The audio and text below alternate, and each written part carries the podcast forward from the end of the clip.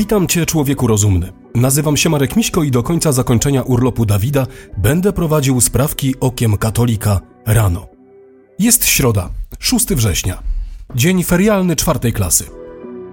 Wszystkie sprawy nasze prosimy Cię, Panie, natchnieniem Twoim uprzedzaj, a pomocą wspieraj, aby wszelka modlitwa i praca nasza od Ciebie się poczynała i przez Ciebie się kończyła. Przez Chrystusa Pana naszego. Amen. Wielka Brytania. Były wiceprezes międzynarodowego koncernu farmaceutycznego Pfizer, pochodzący z Wielkiej Brytanii pan Michael Yadon, udzielił niedawno wywiadu amerykańskiemu blogerowi panu Stevenowi Kirshowi.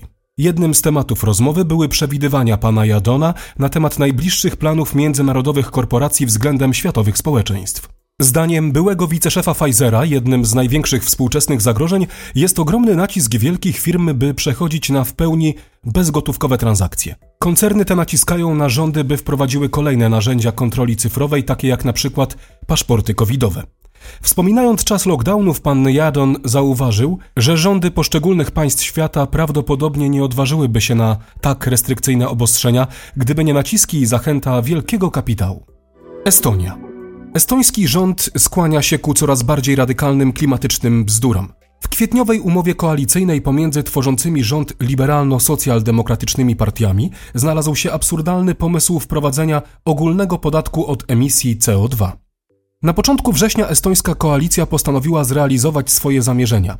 Na mocy nowego projektu ustawy niemal każdy właściciel samochodu osobowego, gdyż ustawa dotyczy też pojazdów nieużywanych, będzie musiał uiścić dodatkowy podatek proporcjonalny do emisji CO2 generowanej przez samochód. Zmiany obciążą przede wszystkim najuboższych Estończyków, którzy muszą posługiwać się starszymi pojazdami.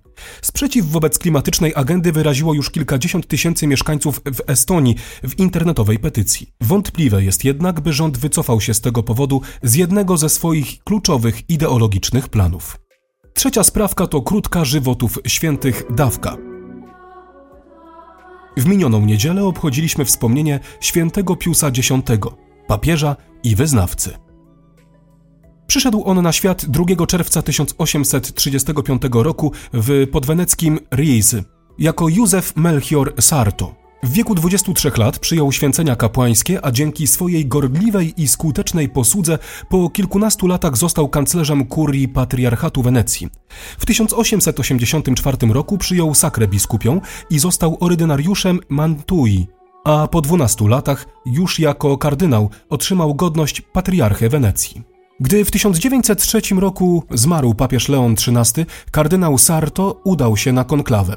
Pierwotnie wybrano na papieża kardynała Mariano Rampollego, natomiast dzięki przywilejowi ekskluzywy austriacki cesarz zablokował wybór bardziej liberalnego kandydata. Papieżem został więc kardynał Sarto, przyjmując imię Piusa X. Słynął on z pobożności eucharystycznej.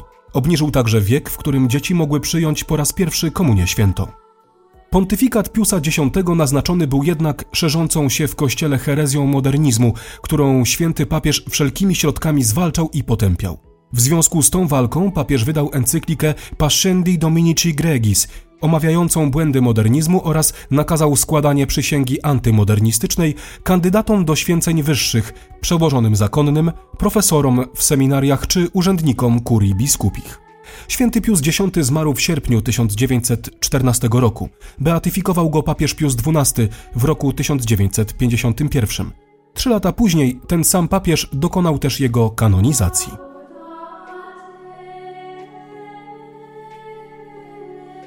Stany Zjednoczone. Sąd Najwyższy Teksasu uchylił orzeczenie sądu hrabstwa Travis, które zablokowało antyłokistowską ustawę. Nowe prawo przewiduje całkowity zakaz przeprowadzania operacji narządów płciowych nieletnich w ramach tzw. Tak tranzycji. Na jego mocy lekarze nie będą mogli przepisywać pacjentom tzw. Tak blokerów dojrzewania oraz pozostałych hormonów z powodów innych niż względy czysto medyczne. Za nieprzestrzeganie przepisów lekarzom grozi nawet odebranie licencji lekarskiej. Sąd w Travis sprzeciwił się tej ustawie, wydając orzeczenie sprzeczne z nowym prawem, de facto uniemożliwiające wejście przepisów w życie. Szczęśliwie w porę zareagował Sąd Najwyższy, uchylając decyzję sądu hrabstwa i otwierając furtkę do uratowania wielu dzieci przed okaleczeniem. Mongolia.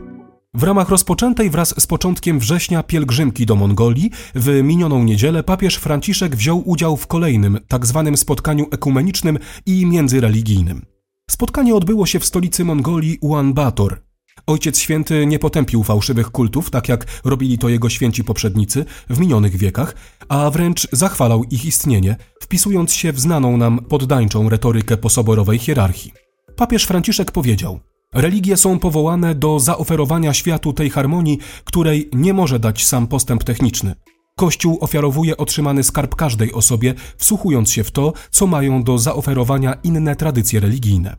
Zdaniem Franciszka, religijne dziedzictwo mądrości Azji polega na dobrej relacji z tradycją oraz trosce o środowisko. Benin.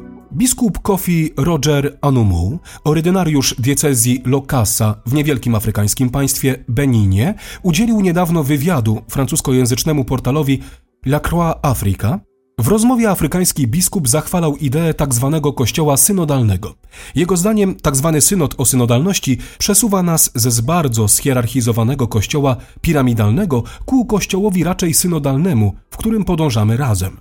Nie rozwijając dokąd ów synodalny kościół podąża razem, hierarcha wyraził oczekiwanie realizacji pierwszego celu synodu, jakim ma być doświadczenie nowego sposobu bycia kościołem. Ów nowy sposób bycia Kościołem przyniósł zatrute owoce dla europejskiego katolicyzmu.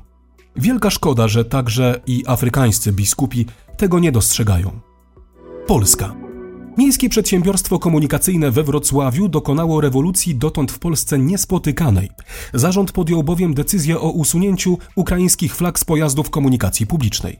Flagi Ukrainy pojawiły się na wrocławskich i nie tylko autobusach i tramwajach w lutym 2022 roku. Co osobliwe, polskie flagi na wrocławskich pojazdach komunikacji publicznej pojawiały się dosyć rzadko, jeśli już, to na krótko.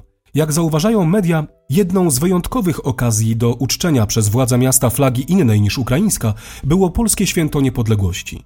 Kierownictwo spółki usprawiedliwia swój ruch gorszym stanem wiszących już od półtora roku flag, zapowiadając jednak kolejne akcje solidarności z Ukrainą. Ponownie Polska. Podczas Kampus Polska Przyszłości, politycznego wydarzenia organizowanego przez środowiska lewicowo-liberalne, o którym kilkukrotnie wspominaliśmy w ostatnim czasie w sprawkach Okiem Katolika rano, odbył się ideologiczny panel na temat tzw. Tak zapłodnienia in vitro. Debatę zatytułowaną In vitro to hit prowadziła pani poseł Agnieszka Pomaska, która wykorzystała okazję do otwartego ataku na Kościół katolicki i jego naukę o niegodziwości sztucznego zapłodnienia. W panelu uczestniczyła grupa wybitnych, w cudzysłowie ekspertów, do spraw bioetyki, czyli oczywiście celebrytek, takich jak pani Małgorzata Rozenek-Majdan TVN czy instagramerka pani Patrycja Sołtysik. Pani Pomaska powiedziała – Kościół wykorzystał ten temat, bo postanowił pewną grupę polityków od siebie w pewnym sensie uzależnić. Naprawdę Kościół ma swoje problemy i niech odczepi się od życia tych, którzy chcą normalnie funkcjonować. Szanowna pani poseł, Proszę to powiedzieć dzieciom mrożonym w ciekłym azocie albo wylewanym do zlewu. Maryjo, posłuż się mną dziś jak chcesz. Wykorzystaj mnie dziś jak chcesz. Byle tylko choć jeden grzesznik zszedł z drogi zatracenia, poszedł do spowiedzi świętej i zwrócił się ku Panu Jezusowi. Święty Piusie X, módl się za nami.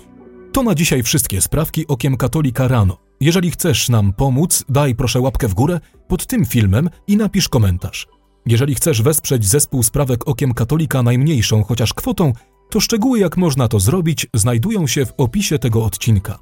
Zespół sprawek Okiem Katolika dziękuję wszystkim patronom i przypomina, że 24 września zostanie odprawiona msza święta tradycyjna w ich intencji.